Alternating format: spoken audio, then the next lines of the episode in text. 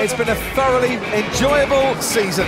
I hope you've enjoyed it along with us. And for one last time, it's lights out and away we go. Lewis Hamilton wins the Turkish Grand Prix and is a seven-time champion of the world.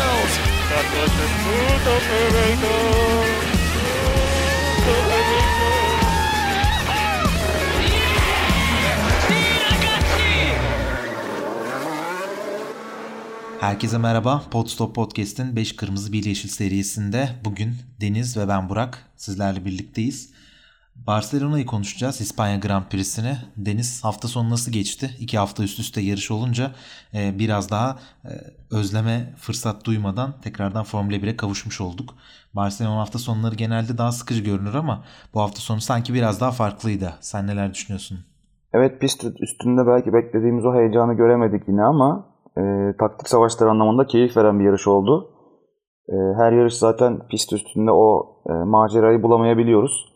Ama dediğim gibi taktik savaşı anlamında son dönemde izlediğimiz en keyifli yarışlardan bir tanesiydi bence. Zaten Barcelona tamamen bir e, aerodinamik sınavı e, pisti olduğu için zaten geçiş de çok e, zor bir pist olduğu için bu şekilde geçmesini bekliyorduk. E, ama yarış sırasında yapılan bazı taktiksel de, e, hareketlerde yarışa keyif kattı diyebiliriz. Söylediğin gibi pist üstü mücadelesini izlemek çok mümkün olmadı.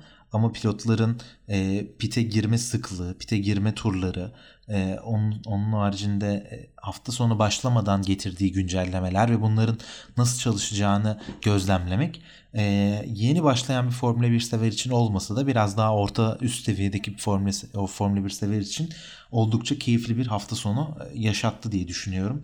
E, ben de tüm bunların paralelinde hafta sonunu takip ettim. E, ve güzeldi yani iyi geçti. Bundan iki hafta sonra Monaco'da geçiş anlamında çok fazla bir şeyle karşılaşmayacağımız dikkate alındığı zaman bence keyifli bir yarışla e, Avrupa seansını güzel bir şekilde devam ettirmiş olduk. İstersen bununla birlikte sıralamalara geçelim. Sıralamalarda neler oldu bakalım. E, Q1'de dikkat çeken noktalardan bir tanesi Alfa Tauri'nin Japon çaylağı Yuki Tsunoda'nın ilk e, seansta elenmesi oldu. 16. sırada kaldı.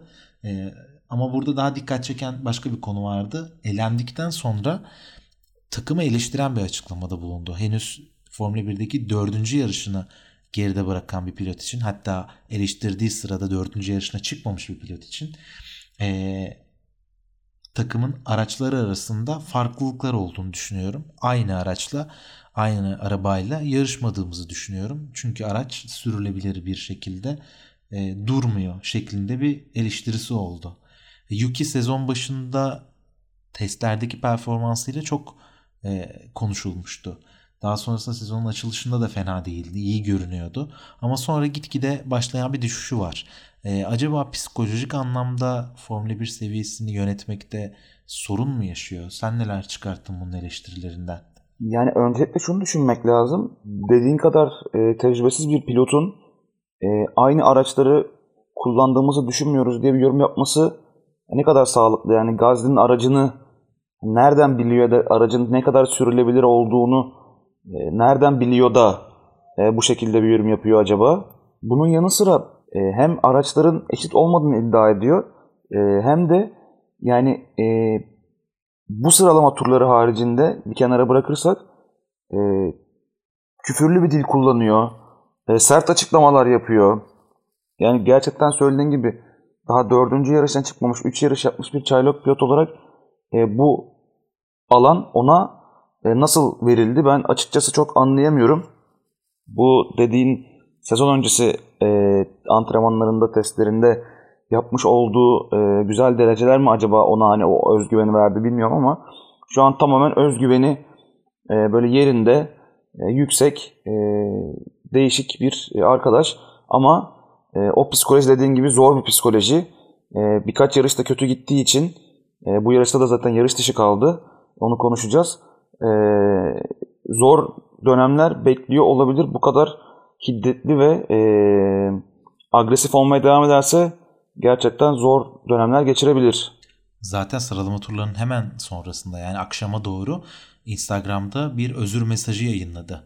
yapmış olduğum yorumlar işte heyecanıma yenik düştüm. Aslında öyle değildi. Takıma güveniyorum, ekibe güveniyorum falan şeklinde bir özür mesajı yayınladı. Burada hemen e, Red Bull motorsporları danışmanı Helmut Marko'nun parmağının olduğunu gördük bence. Hızlıca bir kulak çekme yaşandı. Hani bir toparlan kendine gel e, şeyi oldu, adımı oldu. E, daha sonrasında e, yarışa odaklandım. Bundan sonra daha iyi olacak falan gibi bir açıklamada bulundu. E, antrenman turundan itibaren zaten çok sıkıntılı bir hafta sonu geçirdiğini, sıralama turlarındaki sonucun kendi hatası olduğunu ama yarışta kendi kontrolün dışında bazı gelişmeler yaşandığını söyledi ve bir an önce e, bu psikolojiden kurtulup önümüzdeki haftaki yarışa odaklanacağım dedi. Ki bence de doğru olan bu. Umarım kısa bir süre içerisinde o e, sezon başında yaratılan auranın etkisinden çıkar ve daha pist üstü mücadelesine, yarışları tamamlayabilecek kapasitedeki e, geçmişine uygun bir performans sergiler ve bizi tekrardan heyecanlandırır e, diye umuyoruz ve bekliyoruz. E, bunun dışında Q2'de sürpriz olan isimler aslında sürpriz mi değil mi tam emin olamadığım bir konu. E, senin de bu konudaki yorumlarını merak ediyorum. Aston Martin'ler elendi. E, 11. sırada elendi Lance Stroll. Vettel ise 13. sırada kaldı. E, özellikle bu hafta sonu İspanya'ya bazı güncellemeler getirdiklerini söylemişlerdi. Ve bu anlamda geçen haftaki performanslarından sonra acaba Aston Martin toparlanmaya başlayacak mı diye ummaya başladık ama sıralamalarda o değişimi bir türlü göremedik sanki. Yani çok sürpriz olmadı bence. E, çünkü bu sezon öncesinde alınan kararlarla beraber araçların tabanındaki o majör değişikliklere e, entegre olan takımların başında Aston Martin geliyor geçen seneki aracın yapısına göre. E, bu şekilde de aslında yavaş kalıyorlar. E, ve birkaç yarışta e, çözülebilecek problemler değil diye düşünüyorum. Yani problem diye bunu düşünmeyelim tabii ki de ama yani iyileştirmeler değil. Birkaç yarışta çözülebilecek iyileştirmeler değil bunlar. E, normal bir dönem olsaydı sezon öncesi testler, e, rüzgar tünelleri e, ve birkaç yarış sonrasında e, evet bunu görüp yapabilirlerdi ama Covid e, kısıtlamalarıyla beraber hem zaman az hem bütçe kısıtlaması vesaire şu anda e, aracı istedikleri aralıkta çalıştıramıyorlar maalesef. E, burada da tabanını gösteriyorlar aracın. Onun haricinde birkaç tane yapmış oldukları farklı e, güncelleme de vardı aslında. E, ve geçen yarışta da gördük, ondan önceki yarışta da gördük. E, fren soğutma kanallarında da bazı problemler yaşıyorlar. Yani problemler üst üste geliyor şu anda Aston Martin tarafında. Ve e, bu majör problemleri çözemedikçe e, Q2'de kalıp puan barajının dışında kalmaya devam edecekler. E, bu senenin başında e, bize çok umutluyduk geçen seneki aracın durumundan ve e, Fetal transferinden dolayı. Ama e, şu anda beklenileni e, Aston Martin maalesef veremiyor galiba. Bence gridde bu sezonu bırakıp önümüzdeki sezona en erken bir şekilde hazırlanmaya başlayan takım adayım benim. Ya da öyle değillerse bile öyle olmaları gerekiyor. Çünkü belli ki bu yılki araca odaklanıp bu yılki aracı anlamaya çalışmaktansa önümüzdeki seneye farklı bir araç e, tasarlamaları onlar için daha mantıklı olacak. E, belki de bu yüzden sorun da yaşıyor olabilirler. Yani Formula 1 biliyorsun politikanın çok üst seviyede olduğu bir spor. Belki önümüzdeki yılın bazı parçalarını test etmeye çalışıyorlar ve bu yıl onlardan verim alamıyorlar e, da bu şekilde geriyorlar, geride kalıyorlar deyip ortaya bir komplo teorisi bırakalım. Eminim zaten bununla ilgili ilerleyen dönemlerde de e, bazı şeyler ortaya çıkacaktır diyorum. Ve Q3'e geçelim. Pol mücadelesinden önce ben sözü sana bırakıyorum. İstediğin gibi Leclerc övebilirsin. Ferrari 4 ve 6. sırada sıralama turlarını tamamladılar. Bence bayağı iyi bir performans sergilediler. Özellikle o geçen seneki kötü performans üzerine gerçekten göz kamaştırıyorlar. E, Sainz transferi de çok doğru oldu bence. Leclerc zaten tek turda yani araçtan beklenilen hızın maksimum hızdan daha hızlı turlar atıyor. 0.2, 0.3 daha hızlı e, turlar çıkartıyor ve e, yarış sırasında Serhan Acar dile getirdi. E, Ferrari mekanikerleri de zaten bu hızın nereden geldiğini, mühendislerin bu hızın nereden geldiğini bulamadıklarını, bilemediklerini söylüyorlar. E, tek tur tarafında çok iyi işliyor. E, bu yarış özelinde yarışı değerlendirirken tekrar konuşuruz tabii ki de ama e, Leclerc gerçekten e, göz kamaştırmaya devam ediyor. Hani bu araç bir tık daha iyi olsaydı e, çok daha farklı şeyler konuşuyor olabilirdik diye düşünüyorum. Önümüzdeki senelerde bence olacak olan bu. e, Sainz'ı da yabana atmamak lazım. O da muhteşem bir tek tur çıkardı. Ve 4 ve 6 numara gerçekten Ferrari için e, müthiş bir müthiş bir e, sıralama turları sonucu oldu bence. Bu arada bence Sainz'da şöyle dikkat çeken bir nokta vardı. Tüm sıralama turlarında Leclerc arasında hep 0.2-0.1'lik farklar vardı ve Q3'te de aynı bu farkı korumayı başardı. Yani araçlar arasındaki performans farklılığını e, neredeyse sıfıra indiğini Ferrari pist üstünde kanıtlıyor bence sıralama turlarında. Sadece senin de söylediğin gibi Leclerc'in ekstradan çıkarttığı 0-1-0-2'lik turlar haricinde araçlar birbirlerine çok denk görünüyor ve sürücüler de pist üstü performansları birbirine çok yakın güzel bir rekabet içerisinde ilerliyorlar. Bence Ferrari'nin ve Mattia Binotto'nun önümüzdeki sene için ve bu sezon içinde de e, yüzünü gülümseten en önemli nokta bu olduğunu düşünüyorum. E, bununla birlikte Mercedes'te Lewis Hamilton 100. pole pozisyonunu İspanya'da kazandı. E, bence bu buraya bir parantez açmak gerekir çok ufak da olsa. Yani yaptıklarını artık anlatmakla yani kayıtlar da oldu, podcastler yapıldı, programlar yapıldı ama bir sporcunun, Formula 1 pilotunun e, bu seviyede bu kadar uzun süre yarışıp e, 100. kez pole pozisyonu elde etmesi inanılmaz ötesi bir e, başarı olarak dikkat çekiyor. Ki yani tam bunu ben cumartesi günü bu başarısının yeterince e, değerlendirilmediğini, yeterince dikkate alınmadığını, doğru bir şekilde anlatılmadığını düşünürken e, zaten pazar günü Hamilton ne kadar farklı seviyede bir sporcu olduğunu bir kez daha kanıtlayan bir performansla e, tüm övgüleri tek başına toplamayı başardı. E, Verstappen ikinci sırada, Valtteri Bottas üçüncü sırada yer aldı. Mercedeslerin arasına girmeye başardı Verstappen ve yarışta da buna yönelik bir strateji oluşturmayı hedeflediler. Önemli noktalardan biri de Sergio Perez'in 8. olması oldu. Tek turda bir tık yavaş kaldı. Hem takım arkadaşına göre zaten yavaş kaldı ve önünde de e, Ferrari'ler yer aldı. O yüzden başarısız bir sıralama turu geçirdi Sergio Perez. Hamilton'a baktığımızda gerçekten 100.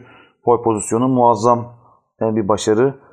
Hani e, geçen sene de konuştuk, bu senenin başında da konuştuk. Hamilton muhtemelen e, kariyerini tamamlayana kadar da konuşmaya devam edeceğiz. Çünkü o o açlığı e, devam ediyor. Yani bu açlığı devam ettikçe, bu isteği, bu arzusu devam ettikçe biz kendisini sıralama turlarında, antrenman turlarında, yarış sonlarında, sezon sonlarında, sezon başlarında durmadan konuşmaya devam edeceğiz dediğin gibi. Ee, ama onu izlemek keyifli. Onun bu agresif sürüşünü, onun bu başarı isteyen sürüşünü izlemek keyifli. O yüzden e, umarım bu şekilde devam eder diyelim. Bununla birlikte istersen yarışa geçelim. İspanya'da startta bazı aksiyonlarla karşılaştık. Verstappen daha çok kauçuğun bulunduğu ikinci cepten daha iyi bir şekilde kalkış yakaladı ve ilk virajın sonrasında Hamilton'ı geride bıraktı. E, bundan sonra Red Bull'un tüm artık sezon başından beri alıştığımız o iyi startlarını Verstappen'den bir kez daha görmüş olduk ve ön sıraya kendini attı.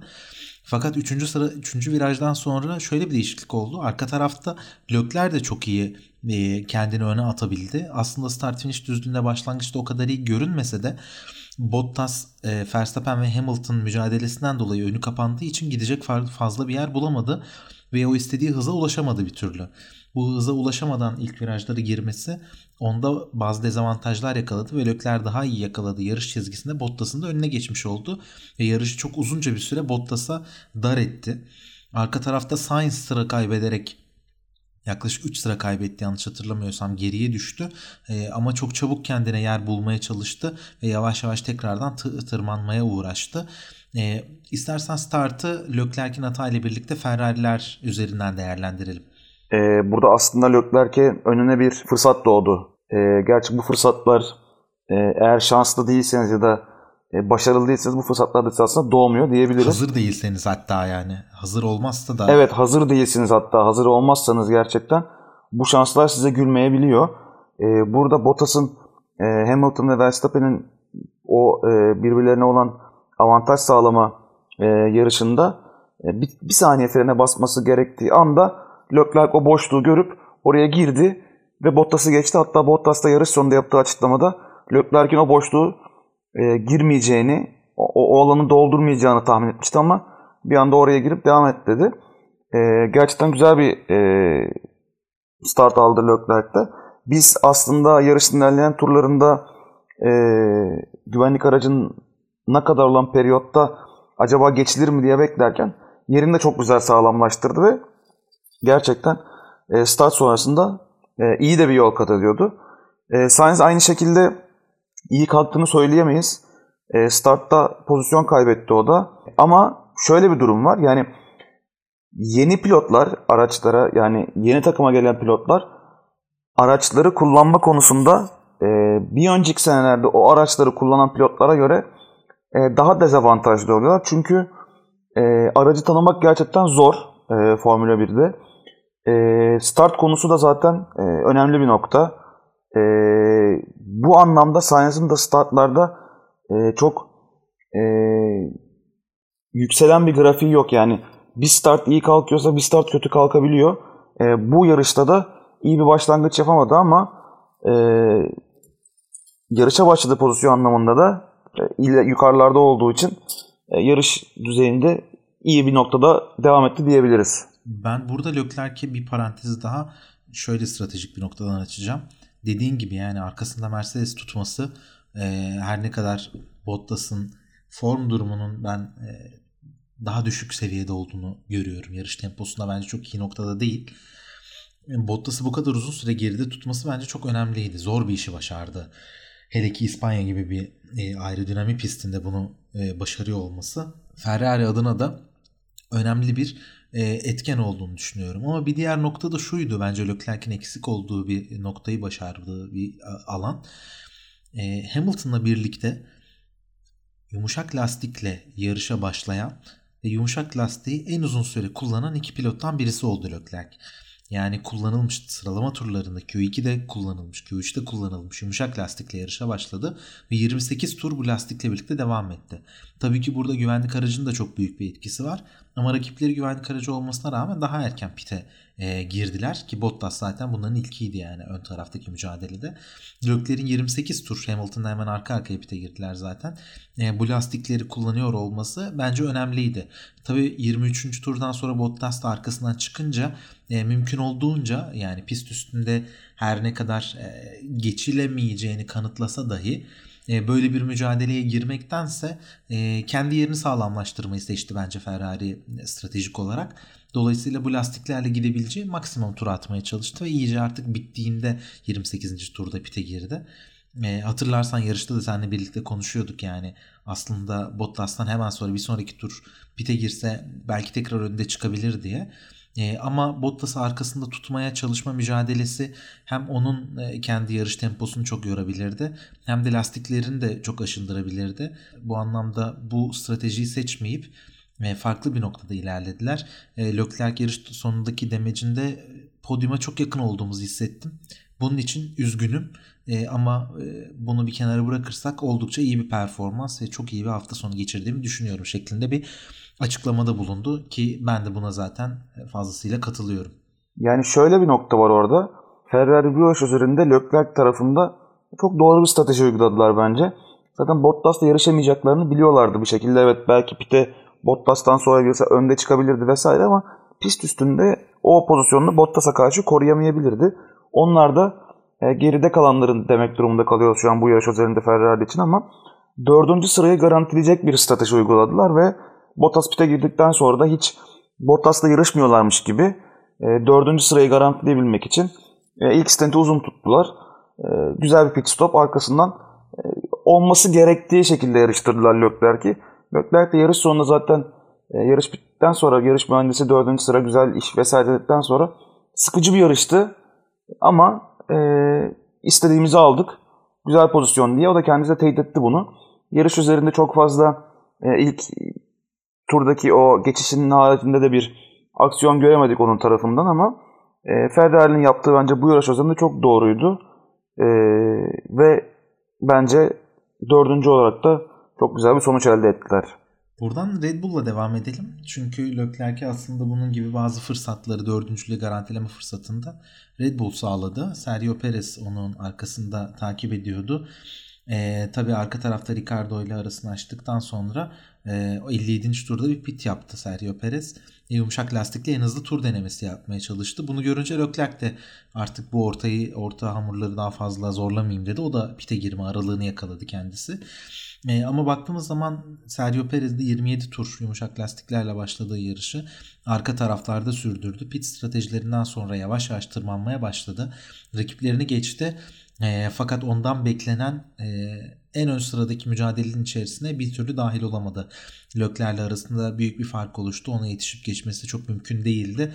Zaten böyle olunca da takım e, tamamen ona farklı bir strateji uygulayıp e, yumuşak lastiklerle en hızlı tur denemesi yapmasının daha mantıklı olacağını düşündüğünü söyledi.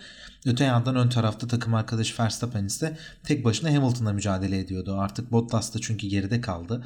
Her ne kadar Bottas'a Hamilton'la benzer tempoyu tutturursan Verstappen'i de yakalayabilirsin dem, dem, demelerine rağmen Bottas bir türlü o tempoyu yakalayamadı.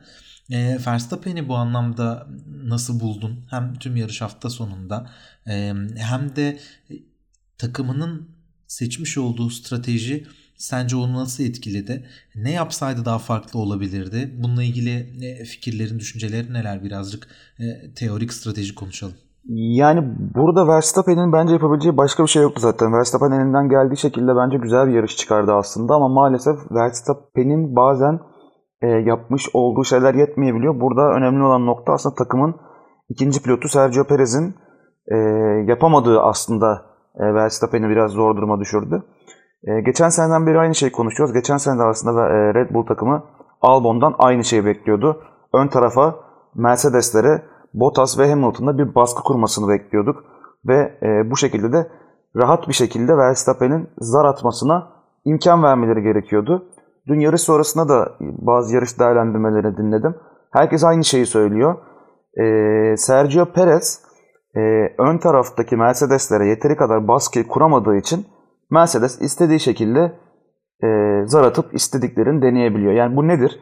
Şimdi ilk 3 sırada zaten e, Hamilton, Verstappen ve Bottas var. Artık Leclerc bu yarış özelinde 4. sıradaydı.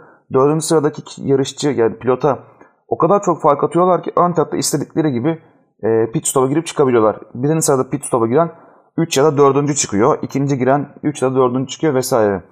Şimdi Verstappen önde ilerlerken, yarışı önde götürürken Hamilton hemen arkasında rahat bir şekilde pite girip çıkabildi.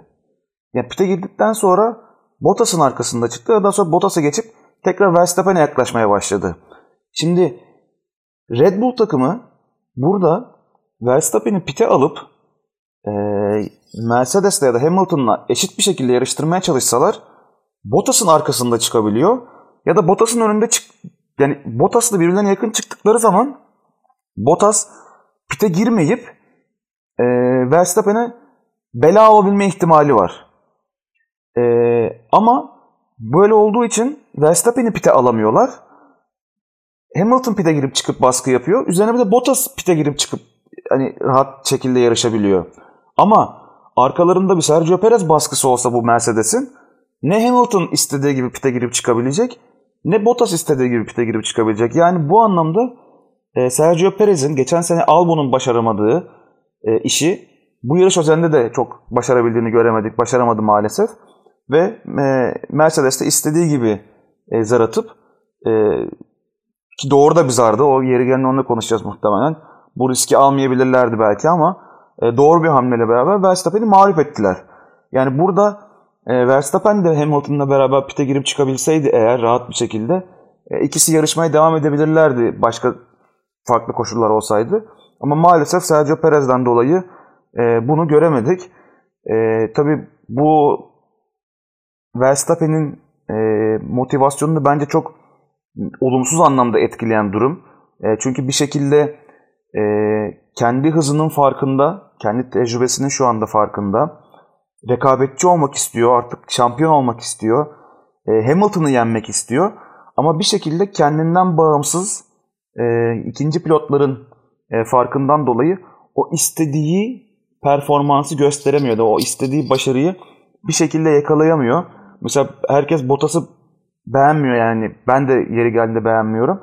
E, ama e, mükemmel bir Hamilton'ın ikinci pilotu. Yani başka bir takımda ikinci pilot olsa bu kadar başarılı olamayabilirdi ama Hamilton için mükemmel bir ikinci pilot. Çünkü neden?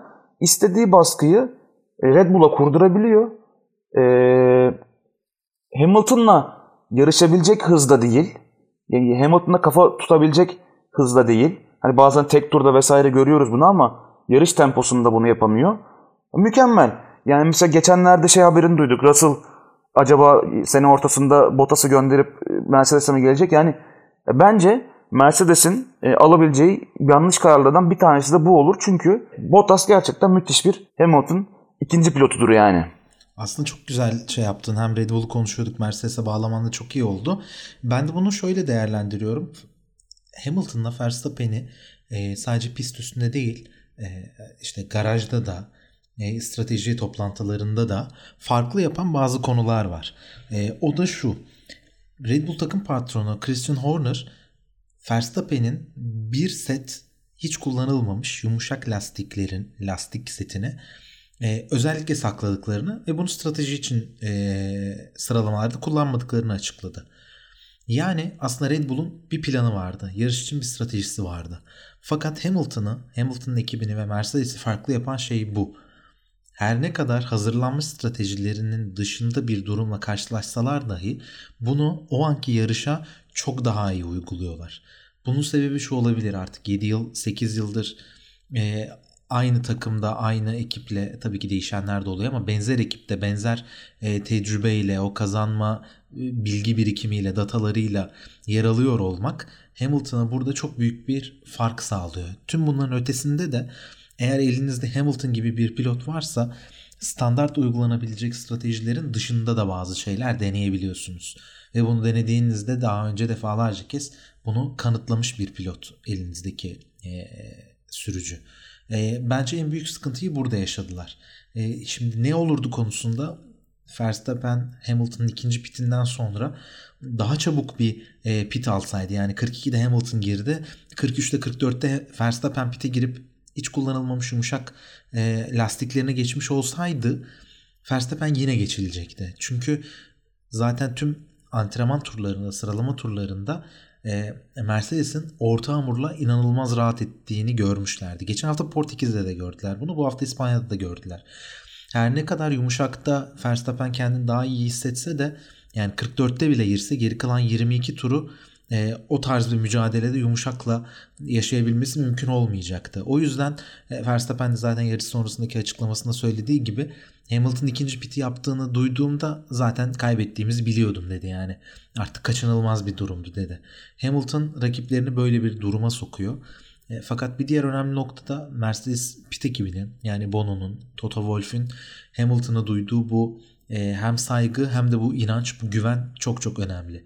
Yani 28'de ilk pitinizi yapıyorsunuz. 14 tur sonra hem de sıfır set bir orta hamuru bir kenara bırakıp kullanılmış bir ortaya geçiyorsunuz ve geri kalan yarışın 24 turunu bu lastikle geriden gelerek tırmanmaya çalışıyorsunuz ve tırmanıyorsunuz ve bir de fark atarak yarış kazanıyorsunuz. Christian Horner'ın da söylediği gibi bence Mercedes ve Hamilton e, gerçekten şapka çıkarılacak bir performans sergiledi e, ve bunu da daha önce de yaptı yani 2 yıl önce Macaristan'da da yapmıştı Hamilton bunu. Bu sefer yine tekrarladı. Yarın öbür gün yine benzer bir durumda olursa e, tekrarlamayacağının garantisi yok. Daha önce Rusya'da aynısını Bottas'a yaptığını hatırlıyorum. E, yani bunu yapabiliyor, biliyor. Geriden gelip tırmanmasını, doğru zamanda doğru pitle bu strateji uygulamasını çok iyi biliyor ve elinizde de böyle bir pilot varsa bunu uygulamaktan çekinmezsiniz. Çünkü bu kadar yakın bir şampiyonluk yarışında kaybedecek hiçbir şeyiniz yoktur kaybettiğiniz zaman. Yani çok doğru. Ee, yumuşak yani lastikler yumuşadıkça Red Bull e, daha iyi performans gösteriyor. Yani yumuşak lastiklerde zaten Red Bull Mercedes'ten daha hızlı bunu görebiliyoruz. Ama işte Mercedes'in elinde e, rahat bir şekilde bir e, bir plan yapabilme şansı var. Yani bunu uygulayabiliyorlar. Eğer gerçekten Red Bull'da da aynı şekilde Sergio Perez de bu olayın içinde olabilseydi belki o sakladıkları sıfır set yumuşak lastikle e, Red Bull'da farklı şeyler deneyebileceklerdi. E, ama çok haklısın yani e, Hamilton faktörü çok farklı. Zaten e, yarışın ilk stintinde de aracın ön tarafında bir e, ön kanatla alakalı bir e, ya problem demeyelim ama çok rahat süremediğiyle alakalı zaten bir mesaj göndermişti zaten pit duvarına. E, pite girdiğinde de o şeyin ar, e, ayarıyla oynayarak, ön kanalın ayarıyla oynayarak çok daha müthiş bir şekilde ikinci stinte girip e, zaten dediğin de doğru. Hani herkes zaten e, ikinci pit stopundan sonra e, Verstappen'i yakalayabileceğini görüyorlardı. Çünkü Verstappen'den daha geç pite girdiler. Verstappen yaklaşık 4 saniye gibi e, Red Bull'a göre hatta diğer takımlara da göre bir uzun pit stop yaptı. Bu pit stop'tan hemen sonra Hamilton gerçekten girseydi yine muhtemelen geçebilecekti. Ama bu stratejiyi zaten e, yarış başlamadan ya da yarışın ilk turlarında karar vermişler ki Hamilton'ı daha geç sokup hemen arkasından çok kısa bir süre sonra çok hızlı tur attıktan sonra ikinci piti alıp e, Verstappen'i avlamaya gönderdiler. E, ve muazzam bir e, şey oldu. Yani bu sadece aslında yarışı birinci, ikinci bitirmekle alakalı bir şeydir. Yani alınan puanlardan ziyade e, Mercedes ve Hamilton tarafında inanılmaz motivasyon kaynağı iken az önce söylediğim gibi yani Red Bull ve Verstappen tarafında e, müthiş bir e, motivasyon düşüklüğüne sebep oluyor. E, bir de bu sonuçlar moral motivasyon anlamında önümüzdeki yarışlara da e, etkileyen çok ciddi faktörler diye düşünüyorum. Bunun haricinde istersen Alpine geçelim. Cumartesi günü çok iyi bir performansla e, Portekiz'de başlayan yükseliş trendini e, İspanya'da da taçlandırmışlardı. Ocon 5. sırada, Fernando Alonso da 10. sırada yarışa başlamıştı. Ama ikisinden de e, pist üstü mücadelesinde iyi bir performans göremedik. E, sadece bence burada tek dikkat çekilen konu, e, dikkat çekilmesi gereken konu Alpine'in geliştiği gerçeği. Alpine'de son iki yarıştır bazı şeyler daha iyi gidiyor. Onlar da İspanya'ya geldiklerinde burada son güncellerim, güncellemelerimizi göreceğiz ve ne kadar işe yarayıp yaramadığını e, deneyimleme fırsatımız olacak dediler.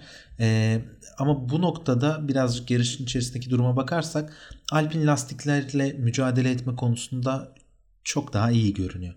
Bunu geçen hafta Perez için söylediklerimizi bu hafta hem Alonso hem de Ocon'a söyleyebiliriz. Ocon tek pit stopla yarışı bitirdi. Yani tek pitle bitiren e, zaten sanıyorum tek pilot oldu. Evet tek pilot oldu. 23'te pite girdi ve 65 yani 42 tur orta lastiklerle 0 set bir orta lastikle tur attı. E, ve 9. sırada yarışı bitirdi. E, her ne kadar yarış içerisinde 5. sıradan başlayıp 9'a kadar düşmüş gibi görünse de e, bence o konu için şöyle bir durum vardı. O orta sıranın üstünde yani e, best of the rest dediğimiz kısımdaki e, uzun süreli yakın mücadelede o kalabalıkta o trafiğin içerisinde yeterince iyi performans sergileyemedi. Onun haricindeki noktalarda lastiği koruması ve bu seviyede turlar atması e, bence önemliydi. Dikkate değer bir e, durumdu. E, ki bence bu kadar iyi lastik korudukları için İspanya gibi yani tek pitle bitirilmesi neredeyse imkansız olan bir pistte bile Alpin e, stratejisini bunun üzerine kurmuştu. Ki Alonso da zaten aynı şekilde 30 tur attı orta lastikli ama daha sonra Alonso hani hiçbir şeyim kalmadı artık yol tutuşu kalmadı deyip son 4 tur kala bir, bir kez daha pite girmek zorunda kaldı ve pist üstü pozisyonlarının hepsini kaybetti. Puan barışında bulunmuyordu ama yine de büyük bir kayıp yaşadı. E, bence burada e, Alpin takımı yarış stratejisi özelinde, yarış temposu üzerinde ben bir yarış antrenmanı yaptığını düşünüyorum. E, bunun haricinde daha farklı stratejilerle e, daha üst sıralarda olabilirlerdi. İkisi birden puan alması zor olabilirdi ama bence bu stratejiyi denediler ve buna uygun pistlerde sürpriz bir şekilde iki pilotunu birden puan barajının içerisinde sokabilecek e, performans gösterebileceklerini gösterdiler diye düşünüyorum. Ee, şöyle bir nokta var. Mesela bu sıralama turlarının sonucuna baktığımızda Q3'e kalan aslında 5 tane takım vardı. Yani 5 takımında ikişer pilotu aslında Q3'e kalmıştı. Ve e, yarışta bu 5 takımın arasında bir puan e, savaşında geçeceği belliydi ki Gazze bir şekilde 10. sırada alıp e, son puanı kaptı gerçi orada ama ya bu 5 takımın e, bir strateji savaşı olacağı belliydi aslında. Evet Alonso e, şanssız bir şekilde e, lastikleriyle alakalı problem yaşadığı için e, yarışı istediği yerde bitiremedi ama o da bence bu problemi yaşamıyor olsaydı zaten Gazze'nin yerine 10. sıradaki puanda bence Alonso alacaktı diye düşünüyorum. Ama bu yarış özelinde o konu değerlendirmemiz lazım. Gerçekten çok güzel bir strateji yaptılar. Söylediğinde çok haklısın. E, Red, e, Renault takımı sene içerisindeki geliştirmeler ve iyileştirmelerde gerçekten çok güzel ders çıkartıp e, takımı ve aracı çok doğru yere konumlandırabiliyorlar. E, Ocon'un zaten 5. sırada başlaması bu yarış özelinde bu tarz bir pistte geçişin zor olması olan bir pistte e, muazzam bir başlangıçtı.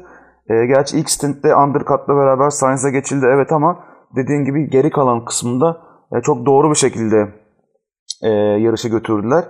E, yarışın sonlarına doğru maalesef Ricardo, Sainz ve Norris e, geçti e, o konu. Ama dediğin gibi şu değerlendirilebilirdi. Yani bu 3 pilotun geçmesi iyi bir şey mi? Yoksa pite girip o da ta- e, taze lastiklerle yarışsaydı tekrar 9. sırada bitirebilir miydi? Ama dediğin gibi güzel bir yarış e, antrenmanı oldu Alpin için ve e, 9. bence kötü değil. Çünkü dediğim gibi önünde e, geri kalan yani işte Mercedes, Red Bull, Ferrari ve e, McLaren var. E, yani o yüzden e, güzel bir nokta.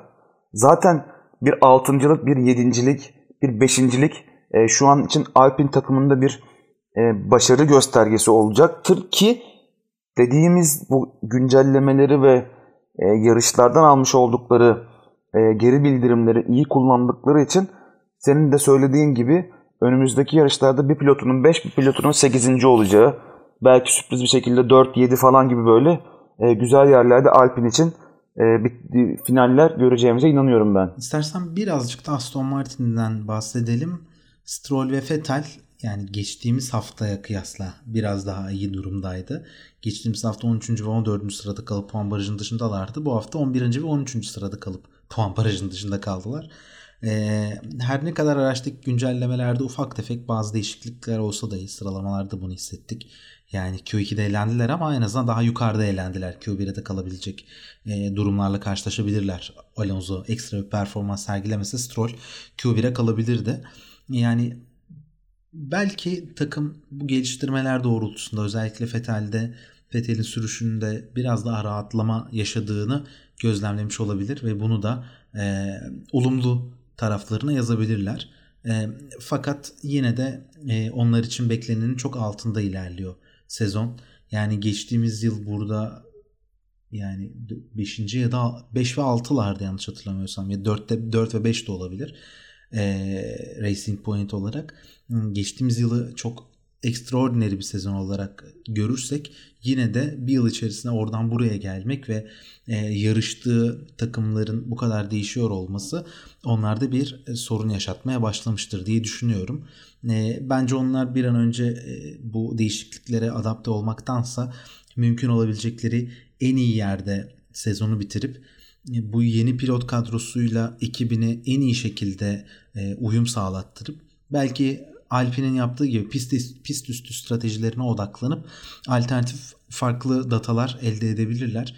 Onun dışında bu yıl onların e, savaşının çok da kolay olacağını düşünmüyorum ben. Yani tabii aracın ne kadar performans gösterdiğini biz çok net göremediğimiz için e, pilotları da bu şekilde aslında yargılayamıyoruz. Yani biz mesela e, Ferrari özelinde şey diyebiliyoruz. Ya abi belki gördüm bak aracın performansından daha iyi sürdü. İşte atıyorum müthiş bir tek tur attı ya da müthiş bir yarış çıkardı. Ya Norris'i gördün mü işte ne bileyim McLaren'ı işte ilk üç yarışta bilmem nerelere getirdi vesaire gibi bunları söyleyebiliyoruz, bunları konuşabiliyoruz ama Aston Martin özelinde bu sene için ne Vettel'den e, ne de Stroll'den bunu söyleyemedik. Yani evet araç belki performansı yeteri kadar e, vermiyor ama hani burada bir tık pilotları da sorgulamamız gerekiyor ama çok e, hani o tarafta bir büyük bir soru işareti var benim e, kafamda. Ama gerçekten e, pist üzerindeki yani Alpine'in dedik ya az önce Alpine'i konuşurken e, pist üstünden aldığı geri bildirimlerle aracını e, iyi bir şekilde getirip iyi yere gelebiliyorlar diye. Bu sene Aston Martin onu yapması aslında çok kolay değil. Çünkü değiştirmesi gereken çok büyük majör şeyler var. Evet tabanda bir revize yaptı, tabanda bir güncelleme getirdiler ama onunla beraber birbirini domino taşı gibi etkileyen birçok nokta var ve bunların hepsini değiştirmeleri gerekiyor. Çok kolay olmayacaktır.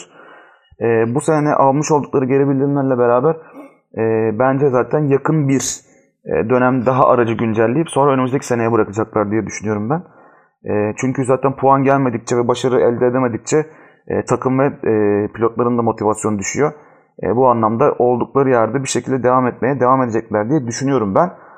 E, ama hani ilk başta söylediğim o pilot soru işaretleri de e, Aston Martin tarafında e, sezon boyunca e, bende olacak. E, senin söylediklerine bu şekilde bir ek yapabilirim ben de. İstersen son olarak da McLaren'den bahsedelim. Ee, senin de söylediğin gibi takıma yeni katılan pilotların genelde daha geride olduğu çok olağan bir durumdu. Fakat bu hafta sonu bunun tezatını başaran tek isimdi Daniel Ricciardo. Ricciardo'nun savunma performansını nasıl buldun? Biraz senden McLaren yorum alalım. Ya e, bu sene özelinde e, şöyle yani Ricardo'nun e, Norris'ten hangi virajlarda da hangi düzlüklerde e, zaman kaybettiğine dair e, çok fazla veri aldığını ve e, pist pist e, viraj viraj değerlendirdiğini e, duyuyoruz ya da okuyoruz e, işte yarış yorumlayan yerlerde. E, bu anlamda gerçekten e, Ricardo da bu işi çok doğru yapıyor tecrübesiyle beraber. E, bu seneki yeni takıma geçtiğinde frenlerle alakalı bir e, problem yaşadığını ve e, virajlarda frenlerle alakalı çok daha zaman kaybettiğini aslında görüyoruz ve e, duyuyoruz Ricardo'nun. Ama bu yarış özelinde e, bir tık daha ona e, alıştığını e, yani frene alıştığını gördük ve aynı zamanda e, Barcelona pistinin de çok e, sert frenlere ihtiyaç duyulmadan daha e, yarım hızlı dönülen virajlar olduğu için gerçekten e, Ricardo'nun e, performansını burada yukarı çektiğini gördük.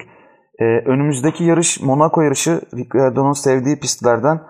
E, o pistte de bence güzel bir performans gösterip ivmesini yavaş yavaş yukarı çekecektir diye e, düşünüyorum. E, senin de söylediğin gibi e, Ricardo gerçekten aslında iki yönlü bir pilot. E, hem çok saldırgan, çok e, atak seven bir pilot hem de e, savunma anlamında da çok başarılı pilot bence.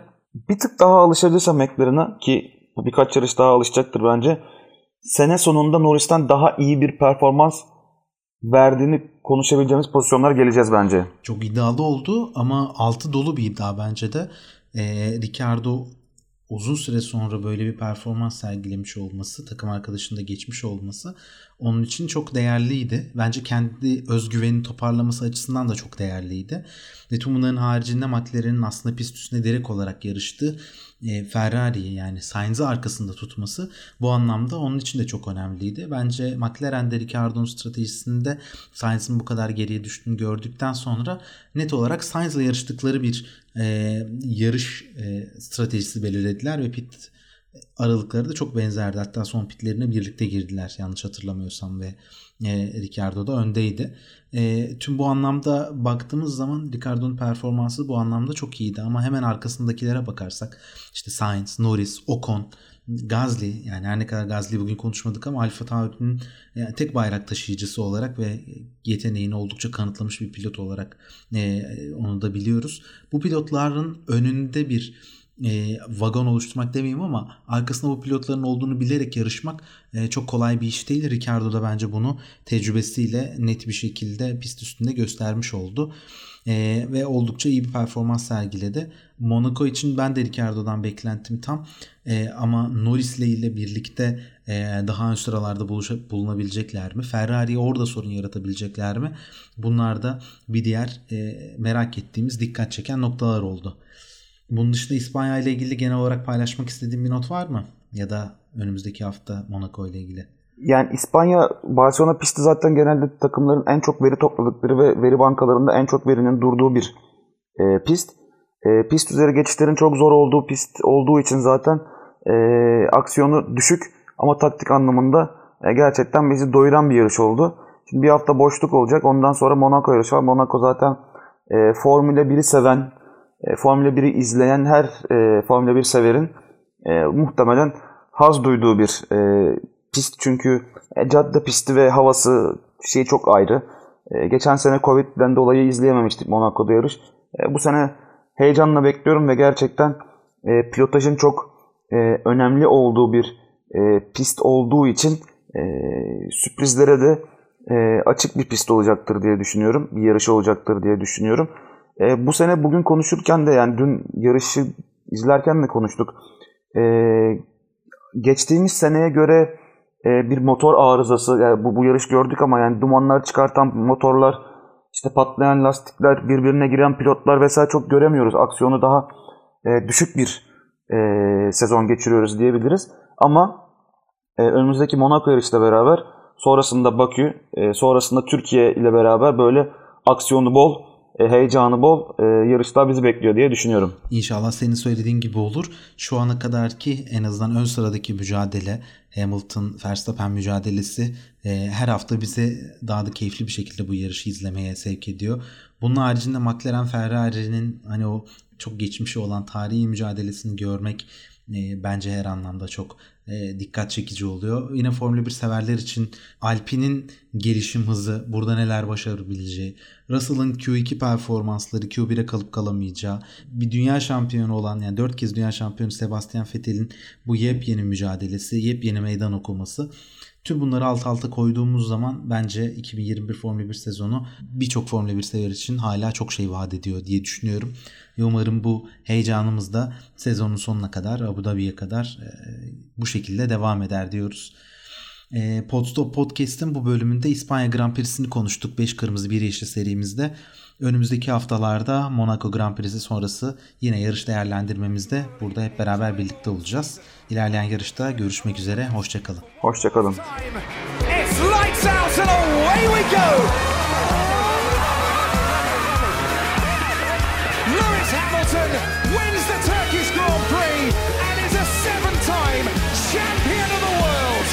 Because the truth of the rainbow,